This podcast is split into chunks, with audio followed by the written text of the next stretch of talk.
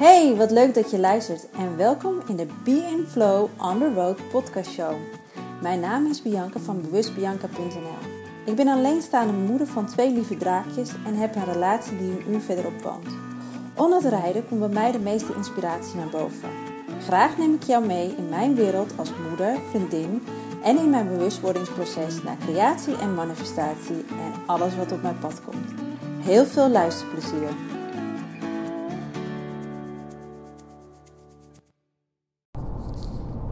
Hey, hallo en welkom terug bij Be, Be in Flow on the Road. Nou, zoals je hoort, ik zit weer in de auto en ik ben op weg deze keer bij, naar een etentje van mijn moeder. En um, een soort vrouwenavond, dus dat uh, wordt wel erg gezellig. Dus allemaal vrouwen bij elkaar. En uh, ik dacht, ik, ga, ik, ben weer, ik heb weer een mooie inspiratie. En dat komt eigenlijk uh, door wat er eigenlijk vorige week is gebeurd. Um, en dat heeft over keuzes maken. Op het moment dat ik, in, uh, dat ik, op het moment dat ik besloot om te gaan scheiden, uh, heb ik echt duidelijk de keuze voor mezelf gemaakt. Wat, ik nog, wat wil ik nog?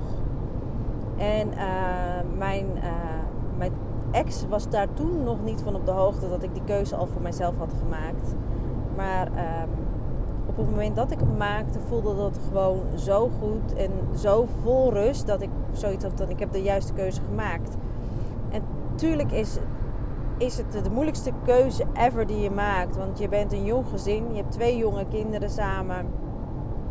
En uh, die keuze maak je dus, ja, hoe zeg je dat, niet helemaal alleen. Niet alleen voor jezelf, maar ook voor, ja, voor, voor, voor anderen, voor je kinderen. En uh, ja, dat, dat zijn wel hele moeilijke dingen. Maar ik ben heel blij dat ik de keuze heb gemaakt. En uh, daarna heb ik ook echt bewust gekeken uh, naar de vriendschappen die ik heb gehad. Die, die ik uit mijn vorige relatie meenam. Weet je, iedereen, alles verandert. Je merkt in energie dat alles verandert. Mensen anders op je gaan reageren. En positief of negatief, maakt niet uit. Sommigen ze hebben het jaren aan zien komen, sommigen snappen er helemaal niks van. Maar ja, het belangrijkste is dat jij maar bij jouw waarheid blijft. Dus ja, dat, uh, dat is ook best wel lastig. Want op een gegeven moment, als je niet alleen de keuze maakt om bij je relatie weg te gaan, uh, weet je ook dat er op een gegeven moment uh, keuze staat om uh, ja, je familie, je schoonfamilie gedachten te zeggen maar ook vriendschappen die uit deze relatie zijn voortgevloeid. En ik wil niet zeggen dat zij slecht waren voor me, absoluut niet. Maar op een gegeven moment merk je gewoon dat je niet meer met elkaar resoneert. Dat, dat er bij mij duidelijk een hele andere behoefte bestond aan een bepaalde vriendschap. Ik had duidelijk voor mezelf gekozen en ik wilde ook nu heel, ja, mijn vriendschappen heel duidelijk voor mezelf kiezen. Van hoe voelt deze relatie? Uh, met deze vriendin nog? En uh, resoneren wij? En kan ik nog door jou groeien of word ik daarin belemmerd? En dat is een keuze die je zelf moet maken. En je iedere keer weer afvragen van... Ja, weet je, en het maakt dus niet uit of het vriendschappelijke relaties zijn of collegiale relaties zijn. In elke relatie moet je ja, eigenlijk elke keer afvragen van... Is dit nog een relatie waar ik het ja, nog jaren mee kan uithouden? En of, of dient deze me niet meer? Kost deze me eigenlijk alleen maar energie? En word ik er eigenlijk alleen maar moe van? En het is niet zozeer dat je de persoon dan wel of niet meer mag. Maar het gaat erom meer om jou. Om heel bewust dicht bij jezelf te blijven. En, um, en dat, is wel, dat is wel eens lastig. Omdat je dan heel vaak verkeerd begrepen wordt. Uh, ik heb ook wel mijn vriendschappen allemaal zodanig afgesloten van uh, bedankt voor de mooie vriendschap. En uh, we hebben zeker echt een mooie tijd gehad. Maar het is voor mij om het punt om nu verder te gaan. En um, ja, en mensen interpreteerden mijn afscheid soms ook anders. En dat is hun waarheid, hun recht om het zo te interpreteren. Maar voor mij was het op een gegeven moment ook klaar. En waar heel vaak wordt gezegd, waar oude ja, waar deuren dicht gaan, gaan nieuwe deuren open. En dat is dat is eigenlijk echt zo. Ik heb, uh, ik heb ondertussen ja, weet ik wie mijn echte vriendinnen zijn. Er zijn ook vriendinnen die ik tijdens mijn relatie eigenlijk niet meer zag. Maar juist doordat ik nu die deur had gesloten, dat hun weer terugkwamen in mijn leven. En, en dat, ja, dat voelt heel prettig en dat voelt heel fijn. Maar zeker ook nieuwe mensen waar je denkt van wauw, van wat ben jij een mooi mens. En, en wat, wat, wat kan ik nog veel van jou leren en groeien. En uh, ja, dat is, het is ook het openstellen naar, hè, naar nieuwe vriendschappen. Je ook verlangen naar die vriendschappen die, die met jou resoneren, die op, die op dezelfde golflengte liggen als jij. Ja, en dan probeer je dat ook uh, aan je kinderen mee te geven dat er altijd een keuze is. En mijn dochter heeft nogal een handje van om altijd het langst, de moeilijkste weg te kiezen. En natuurlijk is zij mijn spiegel. Ik heb ook altijd eerst de moeilijkste wegen gekozen voordat ik op een gegeven moment doorhad van maar er is ook een makkelijker weg. En uh, zij bleef daar nog heel erg lang in hangen van uh, om uh, ja, de, het moeilijkste pad iedere keer te kiezen. En dan is ze nog maar acht en dan moet ze echt nog ontzettend veel leren in, het leven, in haar leventje. Maar ze heeft al zoveel op haar, op haar ja, bordje gehad, om het zo maar zeggen. Uh, ze zit nu in groep 5. En uh, ja, eigenlijk het begin vanaf het schooljaar ging het niet goed. Uh, ze werd eigenlijk al vanaf het begin af aan gepest door een paar jongens. En, en ik merkte haar gedrag al heel snel veranderen daarin. En dat was wel heel schrikbarend. Want ze was gewoon onhandelbaar thuis. Vol met woede en boosheid. En uh, tot op een gegeven moment hoger woord eruit kwam van... Ja, mama, ik word gepest op school door die en die jongens. En ja, omdat ik zelf ben gepest geweest... voel ik natuurlijk helemaal met haar mee. En snap ik haar emotie ook helemaal. en probeerde ik haar ook met al de tools die ik in huis had om haar sterker daarin te maken. Om aan te geven, ga naar juf toe, ga naar meester toe.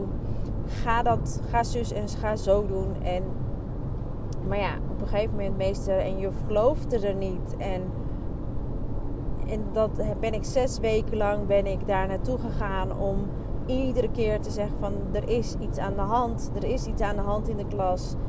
En uh, er moet iets veranderen. En toen bleek dat de grootste pestkop eigenlijk naast haar in de kring zat. Al die weken nog. Ook op al die zes weken wat ik al langs was geweest.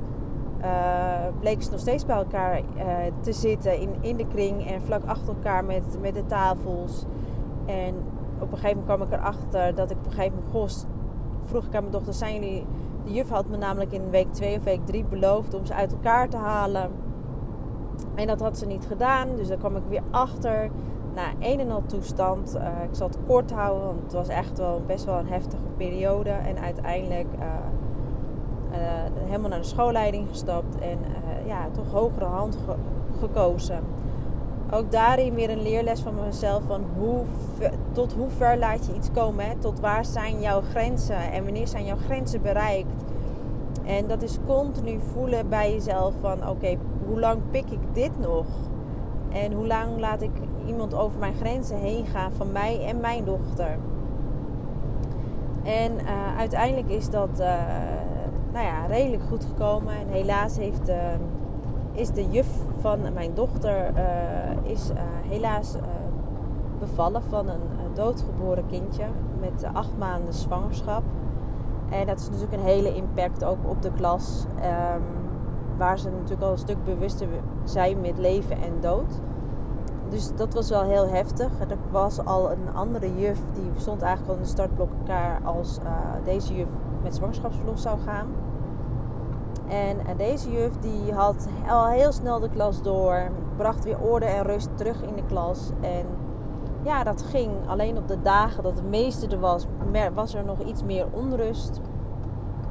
En uh, ja, en dat, dat ging allemaal goed. Ik hoorde geen signalen meer van dat ze zoveel gepest werd. En dat ze eigenlijk redelijk goed naar school ging. Tot op een gegeven moment januari, februari. Uh, toen kreeg ik te horen dat ze met een, met een klasgenootje moest spelen, een meisje. Uh, en uh, ze, mijn dochter wilde dit helemaal niet. En waar ik net haar grenzen aan het leren ben en voor zichzelf op dient te komen, breekt dat, wordt aan de andere kant weer afgebroken. En ik ben eigenlijk weer meteen op hoge poten naar meester gaan van hoe kun je? En ehm, mijn dochter heeft al genoeg op haar plaats. Ze heeft gescheiden ouders. Ze, ze is zelf ernstig dyslexie. Uh, ernstige dyslect. Uh, en waar ze ook al een bepaalde moeite heeft om mee te kampen. En dan uh, dat pestverleden en nou dit weer. Ik zeg van, het is ook wel eens een keertje klaar met, ehm, met, met sociaal zijn hierin.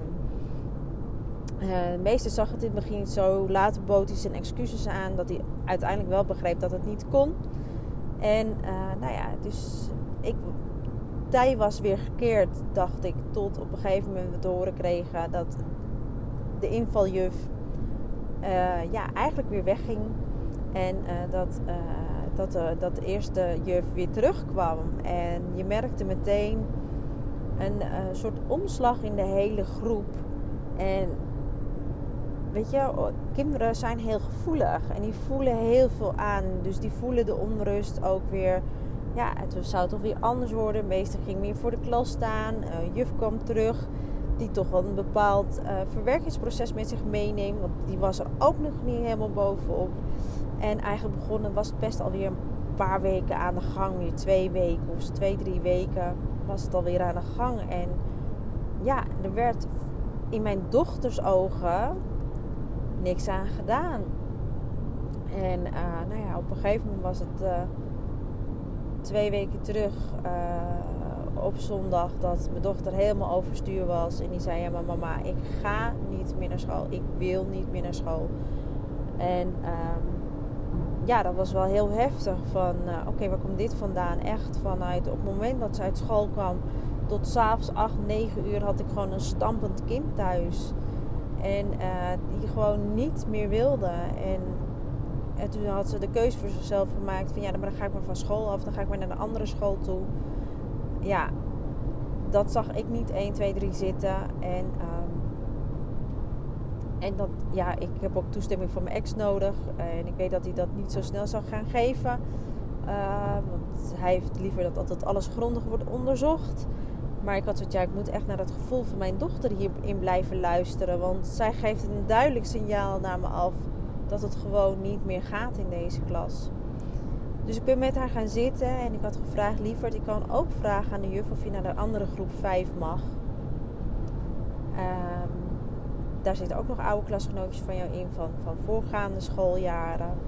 En uh, misschien is het daar wel rustiger. Maar onthoud één ding. Als je deze keuze maakt, kan je in principe niet meer terug. Dus dan moet je in deze klas blijven. Dat houdt dus ook in dat je bij je beste vriendinnetjes, ze heeft er twee, dus niet meer in de klas mee zit. En uh, ja, dat, dat, dat begreep ze heel erg goed. Ze zegt, ja maar mama, ik wil gewoon echt niet meer naar deze groep ik vind het echt niet fijn. En ik zou het veel fijner vinden dan om naar die andere groep te gaan. En ik vond het een enorm moedig besluit van, uh, van mijn meisje. Van, uh, dat ze dit durfde uit te spreken voor zichzelf. En ik voel dan alles dat ze deze verandering daadwerkelijk nodig heeft. Om, uh, om weer te kunnen groeien. En ik was zo ontzettend trots dat ze zo krachtig haar boodschap voor zichzelf neer kon zetten van dat ik dat ze dat graag wilde en uh, dus ja ik zeg nou oké mama gaat kijken wat ze kan regelen want ik kan natuurlijk niet beloven dat dat, dat, dat daadwerkelijk kan en uh, dus ik ben naar de leiding uh, naar de directeur gestapt en ik heb tegen haar gezegd van goh ik vind dit gewoon een heel lastig iets wil niet zeggen dat, dat het aan de leerkrachten ligt. Uh, maar mijn dochter heeft gewoon een nieuwe start nodig. En uh, ik heb gewoon weer een week lang een boos kind. En ehm, ja, en dat, dat, is, dat, dat beïnvloedt de hele familiesetting. En de sfeer in huis is niet leuk meer. En ik ben bang gewoon echt dat ik er straks niet meer naar ja, naar school krijg hierdoor. En ik denk dat je, dat moet ook niet de bedoeling zijn. Een school wordt een fijn iets te zijn. Nou ja, de directrice zei van ik ga naar kijken. Ik kan natuurlijk niet direct een beslissing maken. Ik ga met de juffen, juf en meester in gesprek en ga kijken wat er, uh, wat er mogelijk is. En ik was in ieder geval blij dat ze naar me luisterden en dat we gehoord werden in onze wens. En uh, die middag had ik nog een gesprek met juf en meester en de directrice kwam erbij zitten. En die heeft op een gegeven moment ook gezegd van uh, oké, van we zien duidelijk dat er wat dingen in, in de klas gebeuren. De juf had haar nog even mee uit de groep gehaald. Van goh, wat gebeurt er nu eigenlijk allemaal, lieverd? En mijn dochter heeft toen alles verteld van wat er eigenlijk allemaal in de klas gebeurde. En uh, ze waren het erover eens dat Winesse wel uh, mijn dochter dus een, een nieuwe start kon gebruiken.